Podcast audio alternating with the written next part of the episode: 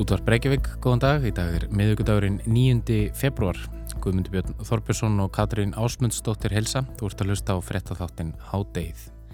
Í ljósi vaksandi verðbólgu á hvað peningastefnu nefnd Sælabankans að hækka í dag stýrivexti um 0,75% stig líkt og spárhauður raunar að undanförnu gert ráð fyrir. En Sælabankin spáir 5% af verðbólgu á þessu ári sem er tvöfalt verðbólgu markmið bankans.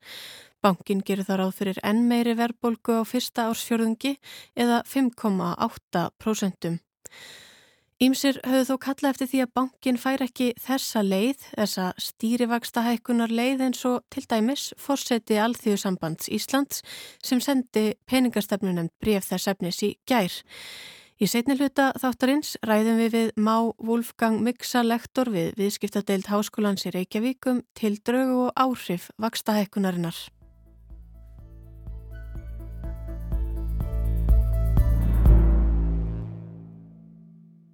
En við byrjum í mið Östurlöndum. Ný skísla frá Evrópusambandinu varar við yfirvofandi átökum á svæðinu vegna skorts á drikjarvatni. Tyrkir, sírlendingar og írakar deila mikilvægum vasslindum sem fara öll þverrandi og sérfræðingar segja að hættan felist ekki síst í örum fólksflutningum eftir því sem deilur um þessa auðlind harna á svæðinu. Þá munu loftslagsbreytingar aðeins auka á flótamannaströymin til Evrópu. Hingar komin Gunnar Raffn Jónsson bladamæður og sérfræðingur í málefnum miða Östurlanda. Velkomin Gunnar. Takk.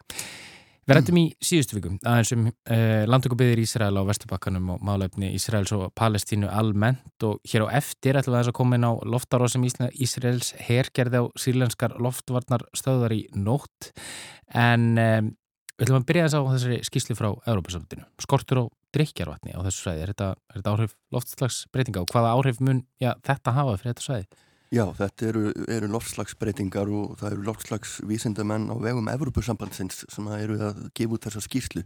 Ástæðan fyrir að Evrópusambandið hefur sérstakar áhyggjur af þessu er að eitt stærsta pólitíska mál undan farin að ára á ára tuga í Evrópu er búin að vera málefni flottamanna og það sem að uh, gerist er náttúrulega í hvers sinn sem að uh, átök brjótast út og stríðsátök og deilur jáfnvel um uh, vass, uh, vasslindir eins og spáðir að þá er búist við flottamannaströmi til Evrópu og þess vegna láta Evrópusambandsríkin sig þetta varða og einning NATO-ríkina því að Tyrkland er að deila þarna mjög, eins og þú segir, mjög stórum varslindum sem að er deilt með tveimur öðrum þjóðum sem eru sírlendingar og Írakar Já, að, sem vera sent taldir til mikil að vinna Tyrkja. Nei, nákvæmlega, þannig að, að uh, það hafa verið uh, langvarandi deilur um, um upptökinn þar sem að verið er að dæla upp meira og meira af vatni Tyrklandsmegin. Og það hefur áhrif á vassból sem eru notuð til akurirkju og til að halda lífinu hreinlega í írökum og, og sírlendingum sem að hafa mátt þóla eins og við veitum stríðsátök og og langvarandi uh, vöruskort í mjög langan tíma. En telja sérfræðingar að það séu mjög lengur, já, einhver átöku yfirvofandi vegna þessa? Það sem að er sagt í skíslunni er að í raun og veru eru Tyrkir í yfirbörðastöðu, uh, ekki síst sökum bara efnahagsleira yfirbörða og, og einnig politískara yfirbörða því að þeir hafa það náttúrulega vera NATO-ríki og hafa NATO að, að baki sér ef að það kæmi einhvern tíman til þess að, að menn færi að úti það hreinlega að að uh, herrtaka uh, upp vassból mm -hmm. sem að er það sem að uh, gæti stemt í. Þar þá líklæra að það er skærur á milli sírlendinga og Íraka fyrst. Þeir myndi ekki hafa bólmagn til að, að vera að veru augra Tyrkjum á, á þessari stundu. Emitt, það verður rétt að fylgjast með þessu og þetta eru þetta ræðilega frettir og, og, og svo sem ekki nýra nálunni en það hafa láttslagsbreytingar, já, þau hafa mikil áhrif á, á veðfara út um allan heim og, og þetta er ekki einu staðarinn á jörðinni það sem að e, skortur og drikjarvatni er vandamála en kannski svona í fyrsta skiptiði sem við erum að heyra þetta svona á þessu svæði. En Gunnar, við, eins og við komum inn á áðan þá, þá rættum við í síðasta í síðasta þætti, í síðastu viku þurfa komst ykkur sem Ísrael og, og Palestínu uh, núni í nótt þá gerði Ísraels er árás á sírlenskar loftvarnarstöðar mm. uh, og þeir hafa gert hreinu árás á skotmörk í Sýrlandi stíðustu vikur. Heimildir í Ísrael og staðfestar segja þó að Hesbóla samtökin séu virk í Sýrlandum þessa myndir og það sé en helsta ástæða árásuna. Uh, hversu líklegt telur það sé? Það er áhugavert að þeir skjóti á loftvarnastöðvar sem eru í raun og veru undir stjórn Assad stjórnarinnar. Þetta eru sírlenskar loftvarnastöðvar af því að það er í raun og veru um, það er það, sem að Ísraelsmenn hafa alltaf sagt að þeir séu í raun og veru eitt, eitt og sama fyrirbærið að Assad stjórnin og, og Hezbollah samtökin séu í sæng saman í raun og veru þannig að, að það gerðist núna bara í síðustu viku eða fyrir rúmri viku held ég að uh, það var mikill eldur í höfninni Latakia í, í Sýrlandi. Það voru Ísraelsmann aftur á ferðinni hafði hvert loftar á svo gáma og í því tilviki að minnstakosti verist að hafa verið vopn, uh, um vopnaræða þar sem að það voru mik miklar eldklæringar sem að fylgdu í, í kjölfarið. Það sem að hefur líklega núna gerst er að uh, eldflögu hefur verið skotið af einhverjum skærulega samtökum annarkort hvort sem að það er Assad megin í átökunum í Sýrlandi eða jafnvel Ísis megin Uh, og Ísraelsmenn hafa séð eldflög koma yfir uh, landamærin hjá sér og bröðist við með, með því að refsa Assad. Þannig að þetta er alltaf, alltaf viðbræða hálfu Ísraelsers þetta er ekki, þetta er náttúrulega kannski kem, kemur svolítið óvart ef Ísraelser væri að einfallega já, ráðast á Sýrlandi að skjóta, skjóta þarna eldflögum inn til Sýrlands að ástæðilösu eða ef ástæðin sé aðeins svo að Hezbollah séu virki í landinu. Hezbollah eru náttúrulega alltaf virki í landinu mm -hmm. þannig að það er í raun og verið alltaf hægt að segja bara Hezbollah eru virkir um þessar mundir mm -hmm. og þess vegna eru við að gera þetta þannig að þeir hafa tilbúna uh, ástæðu og tilbúna afsökun en líklegast finnst manni að, að, að hérna, þarna hafi eldflög uh, verið, verið að svara og þá dó sílenskur hermaður í, í þessari gagnarás. Einmitt. Og hvar nákvæmlega er þetta? Er þetta á gólanhæðunum? Er þetta, við... þetta er við gólanhæðunar það sem að emitt hafa verið uh, deilur á milli sírlendinga og Ísraelsmanna um, um landsvæði og, mm -hmm. og varspólending og, og auðlindir svo kom inn á það sem að vorum að tala um aða Einmitt um, um áratuga skeið en kæra takkir fyrir komuna í háttegð Gunnar Raffn eh, Jónsson við komumst ekki lengra með málefni mið Östurlanda í þessari viku en við heyrumst aftur í þeirri næstum Takk Í síðar hluta þáttarins þá ætlum við að fjalla um vaksta hækkanir Sælabankans en bankin hækkaði, að peningastefnun en bankans hækkaði í morgun stýrivexti um 75, eh, 0,75% og það mun hafa einhver áhrif. Már Wolfgang Miksa, lektor við Viskeittadöld Háskólans í Reykjavík, kemur til okkar og ræðir um það.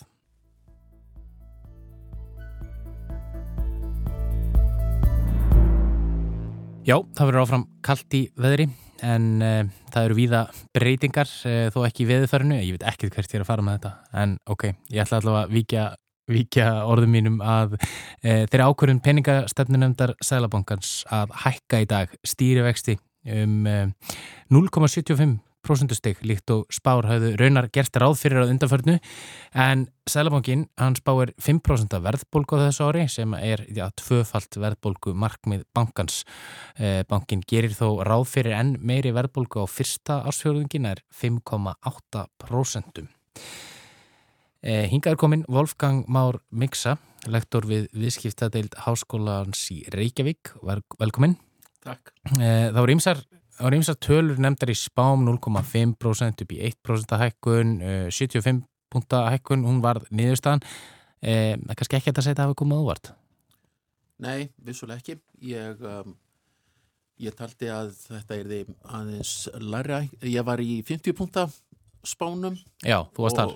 Hérna og en en ég taldi að vera mjög ólíklegt að þetta færi í 100 punta þessi hækkun mun á nú, á nú eftir að hafa koma ítla við ansi marga núna sem hafa nýlega keitt sér íbúð mm -hmm. og uh, dæmum það að ef að fjármálastofnanir hækka að vakstakjör óvertriður að vaksta svona í hérna sem eru breytilegir í takti við þessa hækkun þá mun fjölskylda sem að skulda 40 miljónir þurfa að greiða um það byl 25.000 krónur meira í vakstakostnað mánaðlega þannig að þetta kemur, uh, já, kemur sér afar ítla fyrir mörg heimili í dag Við skulum, mm -hmm. skulum vikið með það þess að, að húsnæðislinu sérstaklega á, á eftir en ég ætlaði fyrst að spyrja þeim á sko, varandi verðbólguna.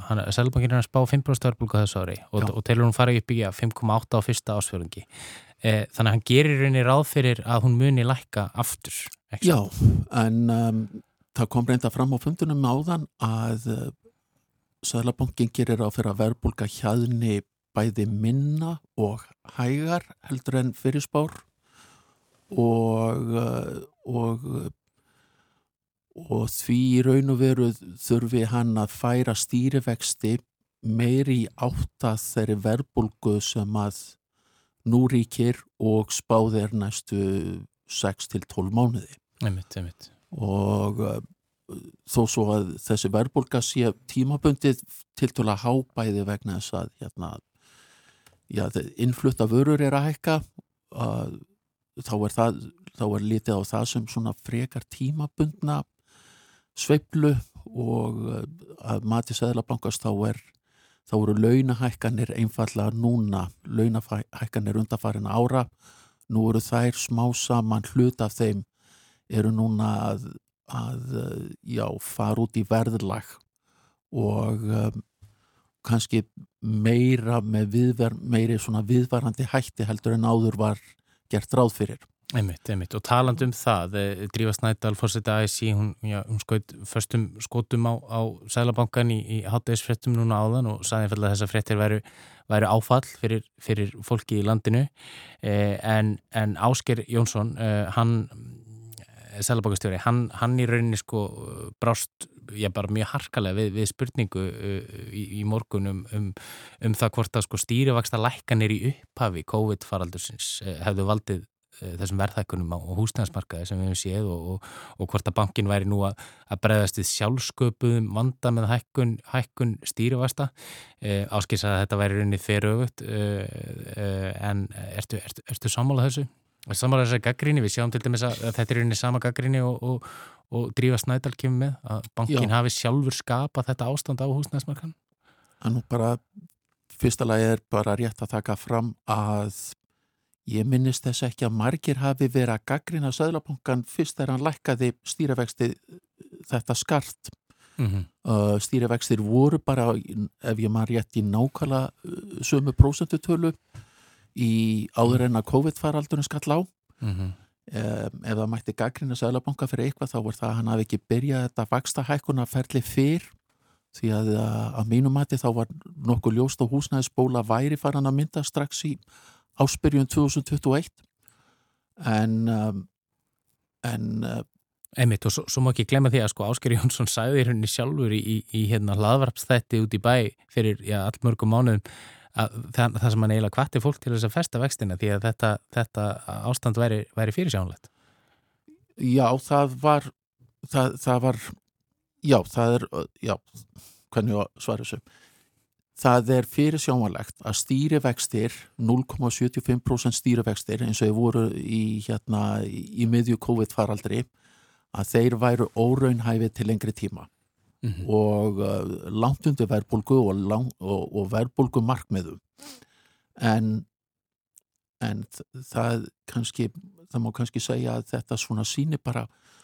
síni bara hvað, sko, hversu erfitt það er að vega og meta eitthvað skonar vísindi og þann almenna skilning sem að almenningur hefur á fjármál og peningamála stjórnun og uh, og það er mikið tilneikja fólki að horfa í baksinni speilin síðustu kannski 6-12 mánuði og gera ráð fyrir að það sé góð vísbending hvað framtíðina varðar. Einmitt, einmitt. Þú talar hérna um, um já, hvaða áhrif þessi ákvörðun hefur á, á, á bara heimilin í landinu uh, og hún mun fyrst og fremst hafa áhrif á, á þau sem eru með, já, eru með ef, ef ég skilja það rétt, breytilega Eh, breytilega óvertriða vexti á húsnæðslan. Hvers vegna er það? Já, það má segja að það hafi fyrst og fremst áhrif á fólk sem er með óvertriða vexti, punktur. En fólk sem er með breytilega vexti, það finnur áhrifin strax. Bara eftir ein, tvo mánu þá, hérna, þá mun fjölskylda sem skuldar 40 miljónir, reikningur eins og ég sagði áðan, mánalugur mun aukast um 25.000 krónur og uh, þeir sem eru búin að festa vexti þeir hafa gert slíkt til annarkvort þryggja eða fimm ára eftir þann tíma þá mun þessi vaksta hækkun líka koma fram. Þannig að manneskja til dæmi sem að tók festi vexti fyrir segjum tveimur áru síðan hún uh, segjum einu og hálfu áru síðan þegar COVID var í hérna fyrstu bylginni COVID var að skell yfir. Og húsnæðis vextir í, í bara mjög lágir. Mjög lágu, einmitt, Mhm. mjög lágir. Að svo manneskja sem að festi vexti til þryggjára eftir eitt og hálft ár þá mun þetta koma fram líka í hækkandi Mhm. vakstakostnaði þá munir lána kjörin sem bankarnir og lánastofnarnir bjóðu upp á að vera mun, mun síðri mun síðri, já Mhm. en það má líka alveg spurja sjálfa sig var það raunhæft að að vakstakjör yrðu svona lengi svona hagstæð Mhm. og, um, og þar kemur kem ég aftur inn á þetta að það er þetta, þetta er þetta, það má segja þetta sé ákveðin plús því að stýrivextir að hafa núna meiri áhrif á hvað ég segja, á neysluhegðun okkar að því að, að við finnum strax fyrir þessu sem sagt almenningur. Um, og þetta var of gaggrind varandi verðtrúðulánin að þau hefði ekki nægileg áhrif þar að segja stýrivextir hefði ekki nægileg áhrif á verðtrúðulánin en eins og drífa bent á áðan þetta er vissulega mikil hækkun og það má, það má alveg ætla að margir hafi verið að kaupa sína fyrstu íbúð núna nýlega og, uh, og hafi kannski ekki átt að sjá því að vaksta kostnæðurinn, vaksta byrðin getur aukist svona skart. En hvað, með, með þau sem að hafa verðtrið lán? Því að núna, núna hefur já, verðtryggingin oft verið, verið gaggrind og, og já, er, er, þetta er rauninni jákvæða fréttir ef hægt er að tala um jákvæða fréttir fyrir, þau sem eru með verðtrið lán. Já, ef, þetta, ef þessi vaksta hækkun dregur úr verbulgu, verbulgu þrýstingi, þá má segja óbeint já, þetta eru jákvæða fréttir.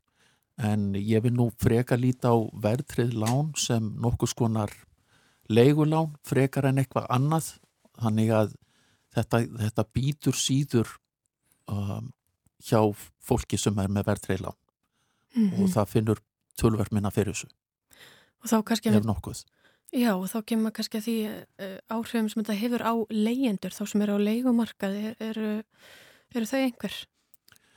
Já, það kom nú fram á fundunum og hefur komið fram áður að nú er verið að, að, að draga saman heimildir varðandi greiðslubyrði og, og sem gera verkum að það er erfæra fyrir fólk að fara af leigumarkaði og þetta, er, þetta mál er mér nokkuð kært að, að það er mjög erfitt. Fólk sem er á leigumarkaði á í býr við mikil uh, tvísínleika, óvissu um stöðu sína. Mörgu tilfellum vegna Airbnb ef að, uh, að, uh, að ferðamannaðinaðurinn fer aftur á fullskrið hér á Íslandi þá er ljóst að margir munu missa húsnæði sitt af því að það verður sett aftur á Airbnb markað.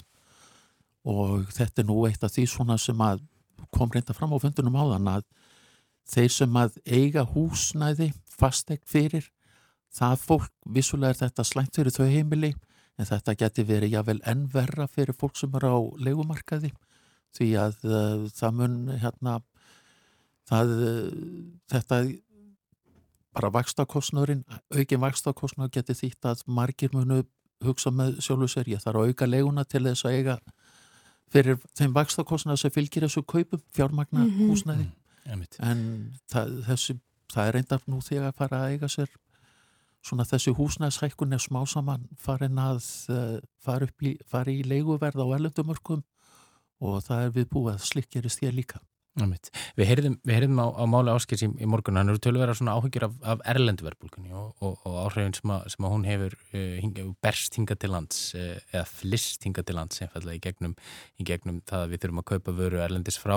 Uh, það er eitt, en, en ef að húsnæðismarkaðurinn eða já, ástandi á húsnæðismarkaði væri öðruvísi hér á Íslandi, væri ekki ástandi nokkuð bærilegt? Og væri við þá ekki í rauninni aðeins bara þá að díla við þá þessa verbulgu sem kemur í kjölfar COVID en mun vonandi lagast á, á næstu mánuðum. Það var nú aðalega launahækanu sem að uh, fólk í peningastefnunum hafði á, áhyggjur af. Um, það er þessu ellenda innflutta verbulga, það er, það er frekar uh, eins og ég sagði þá, þetta er svona mér, mín tilfinning var að nefndamenn hafðu minni áhugjur af henni til lengri tíma og uh, auk þess þá kom nú fram á fundunum, það var hérna, hefur komið fram í fréttum nýlega að Sæðlabankinu er er að vinna móti styrkingu krónunar ef að ef að innflutt verbulga er segjum 5% nú hefur íslenska króna styrst um 6% síðustu 12 mánuði. Ef að króna myndi styrkjast önnur 5% þá myndi það hér að byrja nulla út þessi áhrif. Þannig að ég, ég á bátt með að sjá að þetta sé eitthvað sem að, að valdi valdi svona miklum óta mm -hmm. satt best að segja einmitt, einmitt. og ég, finnst Sæðlabankin á alveg hefur alveg næg að forða sjálfur til þess að styrkja krónuna en svo lengi sem við verðum ekki fyrir öðrum áföllin þá mun íslenska króna styrkjast flesta greiningadeildir gera ráð fyrir örlítið styrkingu og ég er ekki ósamalega þeim í þeim öfnum Veit, veit. og heldur, að, heldur bara alveg í lókinmár heldur, heldur að þetta markmið sé, sé raunhaft að, ég halda 5% verðbólgu út árið? Að hún verði 5% Já, ég er svo sem ekki skoðun á því að ég, svona, þeirra spá er jágóð og mín. En uh, en það kemur mér á óvart að stýrivexti verði hækkar öllu meira þeir mun eitthvað hækkað en ég ég gerir áfyrir að það verði frekar að leitast við að hefja verbulgum með öðrum hætti. Og það kom reynda fram á fundunum áðan að eh, Söðlabanki var ósáttu með að, að stjórnmólamenn væru núna hvetja til þenslu aðgerða á sama tíma og þeir eru að reyna að draga úr þenslu. Þannig að um, það er ákveði reypitók þar í gangi og svona niðurstanna því reypitóki held ég að hafa, eigi eftir að hafa meiri áhrif heldur en innfluttu verbulga. Við, við sjáum hvað setur, kæra þakki fyrir komuna í háttegið Máru Olgang Miksam. Takk. Háttegið verður ekki lengra í dag, við verum hér aftur á sama tíma á morgun. Þáttur hérna er einni aðgengilegur í spilaranum og hlaðvarpsveitum og þá er þetta að senda okkur post með ábendingum á netfangið háttegið hjá rúf.is. Verið sæl.